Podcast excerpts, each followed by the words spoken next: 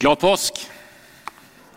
Vilken söndag vi har. Jag vill läsa en bibeltext till. Elsa har redan läst om hur det gick till när några av lärjungarna kom till graven och upptäckte att Jesus inte var där. Jag vill läsa hur Markus berättar den händelsen. Markus kapitel 16, vers 1-7. När sabbaten var över köpte Maria från Magdala och Maria, Jakobs mor och Salome välluktande kryddor för att gå och smörja honom. Tidigt på morgonen efter sabbaten kom de till graven när solen gick upp. Och de sa till varandra, vem ska rulla undan stenen från graven åt oss? Men så fick de se att stenen var bortrullad. Den var mycket stor. De gick in i graven och såg en ung man i lång vit dräkt sitta där till höger och de blev förskräckta. Men han sa till dem, var inte förskräckta, ni söker efter Jesus från Nasaret, han som blev korsfäst. Han har uppstått, han är inte här. Se, här är platsen där han blev lagd. Men gå och säg till Petrus och de andra lärjungarna, han går före er till Galileen. Där ska ni få se honom som han har sagt er. Det verkar som att människan alltid har haft en stor tro på att det finns något mer i livet än bara det som är på den här jorden. Alltså man hittar det nästan i alla sorters tro, i alla kulturer, att det livet vi lever nu är en viss tid, men vi kommer leva en bra mycket längre tid efter det här livet, i en annan tid eller en annan värld eller på en annan plats.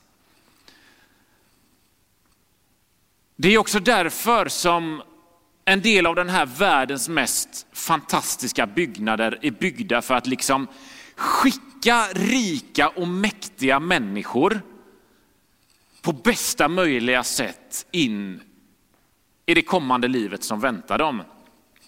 Det här är Cheopspyramiden. Säkert har några av er varit och sett den i Egypten. Den byggdes för ungefär 4500 år sedan.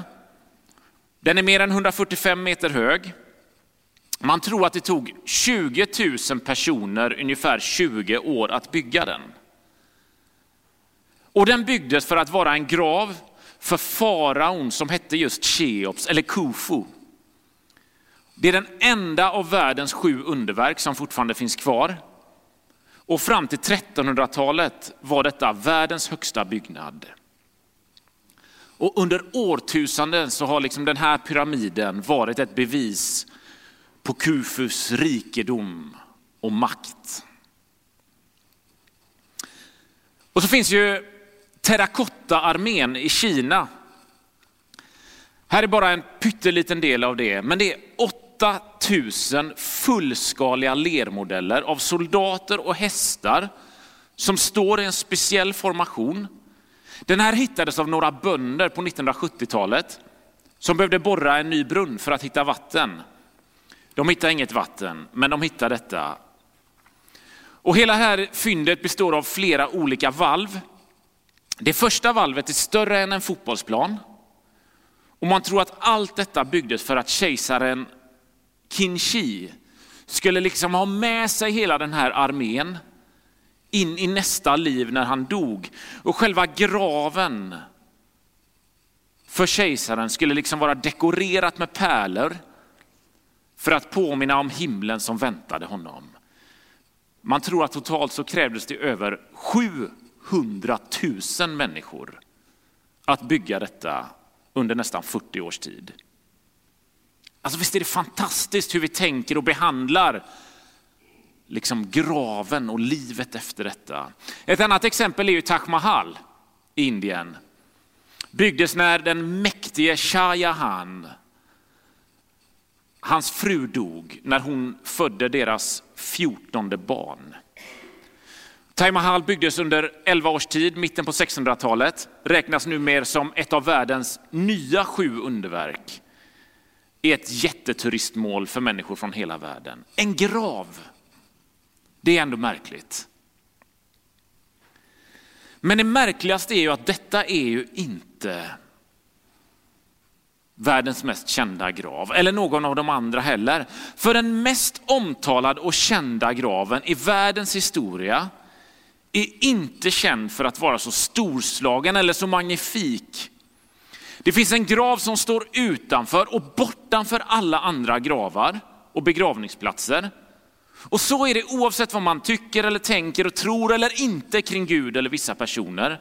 Och den graven är inte känd för vem som eller vad som är i graven, utan den är känd för vad, eller snarare vem som inte finns i graven. Alltså såklart talar jag om graven där Jesus begravdes. För i och med händelserna i den graven så står hela kyrkans existens och faller. Och världens hopp vilar på vad som händer där. När Jesus dog så byggdes det inga pyramider eller mäktiga slott. Sanningen är han var så fattig att hans dödsbo kunde inte bekosta en gravplats åt honom. Utan en man som hette Josef och kom från en stad som hette Arimathea, han upplät en gravplats åt honom i ett berg. Och Josef han lät en stor sten rullas framför graven så inga djur skulle komma åt kroppen. Den romerska regeringen lät placera ut vakter framför stenen så att inte Jesu lärjungar skulle komma och flytta på kroppen och liksom dra någon story om att han hade uppställt, uppstått igen eller ställa till med andra problem. Och sedan så händer det som Elsa läste förut, eller det som jag läste från, från Markus. Om att när sabbaten var slut och den första dagen på den nya veckan började, så kom Maria och Magdalena och den andra Maria till graven. För att liksom titta till den. Och där och då var allt slut. Det som både Maria och de andra lärjungarna hade liksom hoppats var sant, det var inte sant. De hade trott att Jesus var Messias, världens frälsare. Allt det var liksom slut och borta när kvinnorna kommer till graven. Det var två personer kvar. Maria och Maria.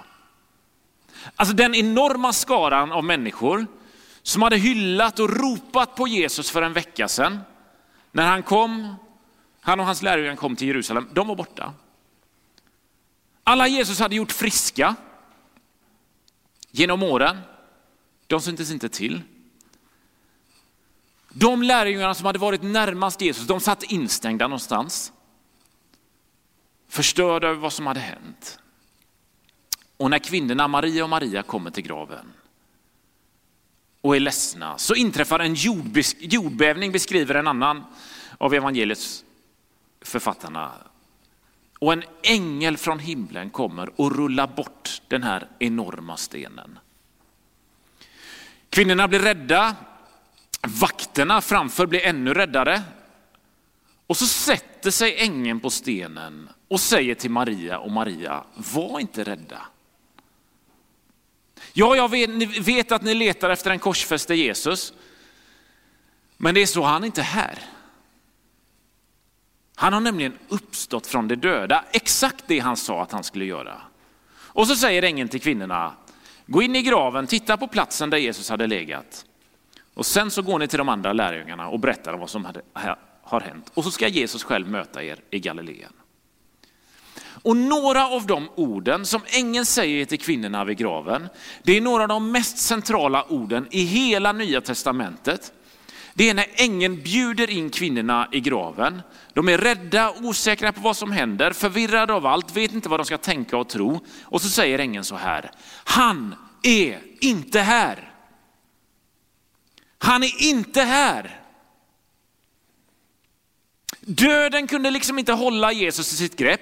Graven kunde inte stoppa Jesus. Helvetet själv kunde inte vinna över honom. Och det betyder detta, hör nu, vilka problem du än möter. Vad som än står framför dig i livet, vad du än har mött, vilka utmaningar som än har kommit eller kommer till dig. De orden som ängeln sa i graven till Maria och Maria för drygt 2000 år sedan förändrade den här världen. Jesus är inte i graven, han är liksom inte kvar där inne. Han har uppstått från de döda, han lever, han har kommit tillbaka. Men det märkliga är ju att allt annat var ju precis likadant som dagen innan. Caesar, han var fortfarande härskare i Rom. Pilatus, han fortsatte säkert två sina händer i någon rättegång för att liksom inte ta på sig ansvaret. Lärjungarna gömmer sig fortfarande. Men det är bara den här saken, att Jesus har uppstått. Ängeln säger inte till kvinnorna att Jesus ska leva vidare i era hjärtan. Eller kom nu ihåg och hedra minnet av Jesus. Eller liksom låt oss fortsätta leva i hans anda som om han hade fortsatt levt. Utan ängeln står i en grav, dödens plats där man gråter, sörjer, är förtvivlad och ledsen. Där man känner hopplöshet, maktlöshet, där man inser slaget är förlorat. Just på den platsen står ängeln och förkunnar till kvinnorna att Jesus inte är kvar där inne. Allt annat är detsamma bortsett från den saken. Och på grund av den saken är ingenting längre detsamma. Så därför är ängens hälsning till Maria och Maria också en hälsning till dig. Var inte rädd. Alltså vad är det jag inte ska vara rädd för? Ja, vad som helst. Rom, eller änglar, eller soldater, döden, för att hamna i problem, för att göra bort dig, för din historia, för din framtid, för din ekonomi, för din hälsa, för ett dåligt jobb, för din skola. Varför inte? Varför ska du inte vara rädd? Jo, för att Jesus lever. För att han är inte längre i graven. Och vad betyder det? Vad betyder det för kvinnorna? Jo, det betyder stanna inte vid graven själv. Stanna liksom inte vid det som skrämmer dig, det som får dig att sörja. Det som binder dig från att komma vidare eller vad det nu är. Jesus lever, han vill möta dig precis som ängeln sa till kvinnorna att Jesus skulle göra med de andra och, och lär, med dem och de andra lärjungarna. Spring liksom iväg till de andra och berätta, sa ängeln. Bli inte kvar här. Allt var inte slut. Allt var inte förbi. Jesus lever. Hör på detta. Hela ditt liv har en koppling till Gud. Alltså inte bara tillfällen du eventuellt tänker på om han finns eller inte. På de gångerna du går in i en kyrkobyggnad. Ditt liv kopplas inte till Gud bara de gångerna du ber eller läser Bibeln eller sjunger med en psalm. Utan hela ditt liv ryms hos Gud, finns liksom omfamnat av Gud. Och därför har också hans uppståndelse, att Jesus lever, en direkt påverkan på ditt liv. På det du gör, det du rör dig i, det du finns i. Och att Jesus lever betyder att det man lätt tänker är slutet inte behöver vara slutet. Det betyder att Jesus kan ändra den situation, det sammanhang som verkar som mest hopplöst. Orden, han är inte här. Han har uppstått från de döda. Förändrade allt. Att Jesus lever är världshistoriens viktigaste händelse. För efter att han uppstått från de döda så är ingenting längre sig likt.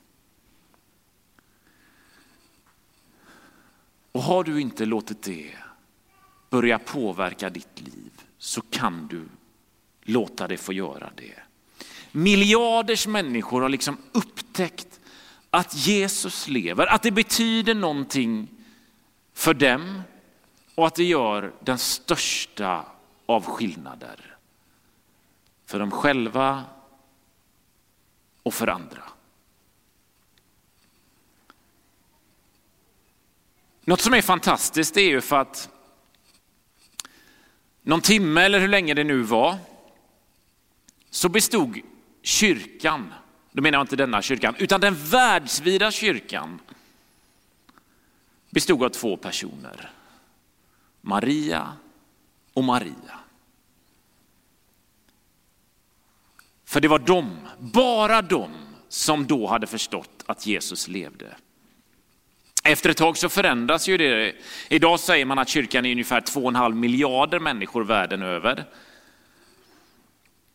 Ni vet, det är olika rörelser, det är samfund, det är enorma byggnader, det är husförsamlingar som får gömma sig för sin tro, det är tv-industri, det är barn och ungdomsverksamhet, det är st storslagna enkla gudstjänster. Men just där och då så är det de här två. Och trots att det bara var de två så tar de liksom direkt kyrkans uppdrag och tjänst på allvar. Nämligen att berätta om detta för andra. Att låta fler veta att Jesus har uppstått från de döda. Det är som att i och med att kvinnorna får veta och förstå att Jesus lever, så får de även med sig ett uppdrag och en tjänst om att låta fler få veta att det är sant. Det verkar som att förstå och uppleva och sedan dela det med andra, att det hänger ihop. Och de får inte det här uppdraget på grund av deras egna förträfflighet. På grund av deras duktighet. På grund av deras församlingstillhörighet. På grund av deras personlighet. På grund av att de är så modiga. Eller någonting annat som kan liksom tillskrivas dem. Utan de får det här uppdraget, den här tjänsten, enbart på grund av faktumet att Jesus lever. Som att de liksom får en stolthet och ett självförtroende i att deras tjänst och uppdrag står och faller med att Jesus lever, inte med dem själva. Och jag tänker att det skulle jag behöva landa i, och säkert många med mig. Nej, det är inte mina egna liksom kristna segrar mina egna andliga upplevelser som jag ska liksom låta vara fundamentet i uppdraget och tjänsten som kristen. Utan det är som att ängeln säger till Maria och Maria, bygg er stolthet som kristen, hela din identitet som kristen på att Jesus har uppstått från de döda. Och då kan man veta, eller fundera, kan man verkligen veta någonting om allt detta? Alltså lever han verkligen? Hände detta?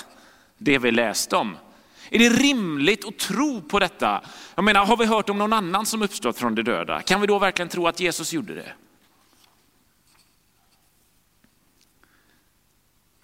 Om man hade fortsatt läst där Elsa slutade förut och en liten bit fram, så kan man se att efter uppståndelsen så kunde Jesus ta sig igenom dörrar utan att öppna dem. Kunde komma in i rum utan att öppna dörren. Och det måste ju betyda det här att ängeln rullar inte bort stenen framför graven för att Jesus skulle komma ut. Utan för att kvinnorna skulle komma in. Alltså ängeln vill visa dem platsen där Jesus låg Ängeln säger liksom inte bara till dem, lita på mig, han har uppstått. Tro på mig, han är, han är inte kvar där. Utan de här kvinnorna får med sina egna e- ögon se att Jesus har lämnat graven. Men då kommer ju nästa fråga, är den informationen tillförlitlig då? En av anledningarna till att vi med gott samvete kan tro på att det är just det där att de första som fick veta att Jesus var uppstånden, det ängeln rullade bort stenen för, var kvinnor. Det är en anledning, en stor anledning att tro på att detta är sant. Inte minst för att man kanske kan tänka att kvinnor överlag är mer tillförlitliga än män. Men på den här tiden, om någon skulle liksom vilja hitta på den här storyn, så hade man aldrig skrivit att kvinnor var huvudvittnet. För det här var i en tid när kvinnor inte ens fick vara vittnen på en rättegång. För de ansågs inte att kunna litas på. Så om författarna till Nya Testamentet hade liksom hittat på berättelsen men ändå vill att fler ska tro på den, så hade de aldrig låtit Maria och Maria vara först vid graven. Så varför står det då om att de var först? Jo, för att de faktiskt var det. Alltså de kom verkligen dit på riktigt. De såg det som berättas på riktigt och Jesus var verkligen uppstånden på riktigt.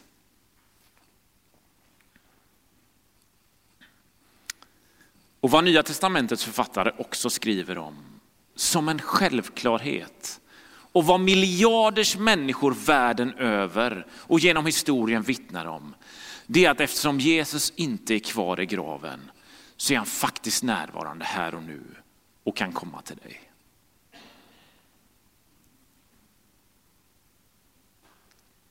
Och för dig så kan saker vara detsamma. Din chef kan fortfarande vara en usel chef. Din respektive förstår dig fortfarande inte alls. Eller kanske inte ens finns. Pengarna på ditt bankkonto lyser fortfarande med sin frånvaro. Den tomma stolen vid matbordet är fortfarande tom. Barnet som drog hemifrån har fortfarande inte kommit hem. Dina drömmar har fortfarande inte gått i uppfyllelse. Det är ju bara det där med världshistoriens viktigaste händelse.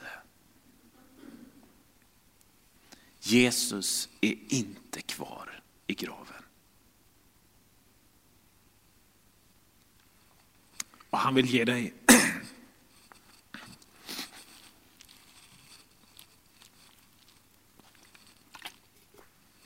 Och han vill ge dig förlåtelse genom sitt blodstänkta kors. Och han vill ge dig hopp genom den tomma graven. Eftersom Jesus inte stannade i graven kan han liksom komma och vara där du är, förändra ditt liv, dina situationer och din framtid. Och så var det ju samma för kvinnorna. Eftersom Jesus inte stannade där han var, i graven, så gjorde inte de det heller. Och då kan inte heller vi stanna där vi är. För genom att Jesus lever så har vi ett nytt hopp, ett nytt uppdrag. Och genom det så får vi slå oss ihop med Maria, Maria, de andra lärjungarna och med miljarder människor i gemenskapen av efterföljelsen av den uppståndne Jesus. Och utifrån vad flera av de personer berättar i Nya Testamentet så får vi till och med leva med vetskapen om att den kraften som väckte upp Jesus från de döda är också en kraft som finns inom oss. För att göra oss till en ny människa. För att vi ska få ge hopp till de som inte har något hopp. För att vi ska få ge kärlek till människor som ingen bryr sig om. För att vi ska få tjäna de som är bortglömda och för att vi ska få ge från ett generöst hjärta. Du får vara med och berätta för hela världen att Jesu kvarlever inte finns i någon grav, utan han är här. Nu ber vi. Tack Jesus för att graven är tom. För att det förändrat precis allting. Herre, du vann över döden, du vann över mörkret, du vann över det som verkar slutet. Nu ber jag Gud, låt den uppståndelsen, kraften från din uppståndelse fylla oss, fylla det här rummet, här och nu. Tack Jesus för att du lever, för att orden, han är inte här, han är uppstånden, har förändrat allt. Fortsätt gör det. Amen.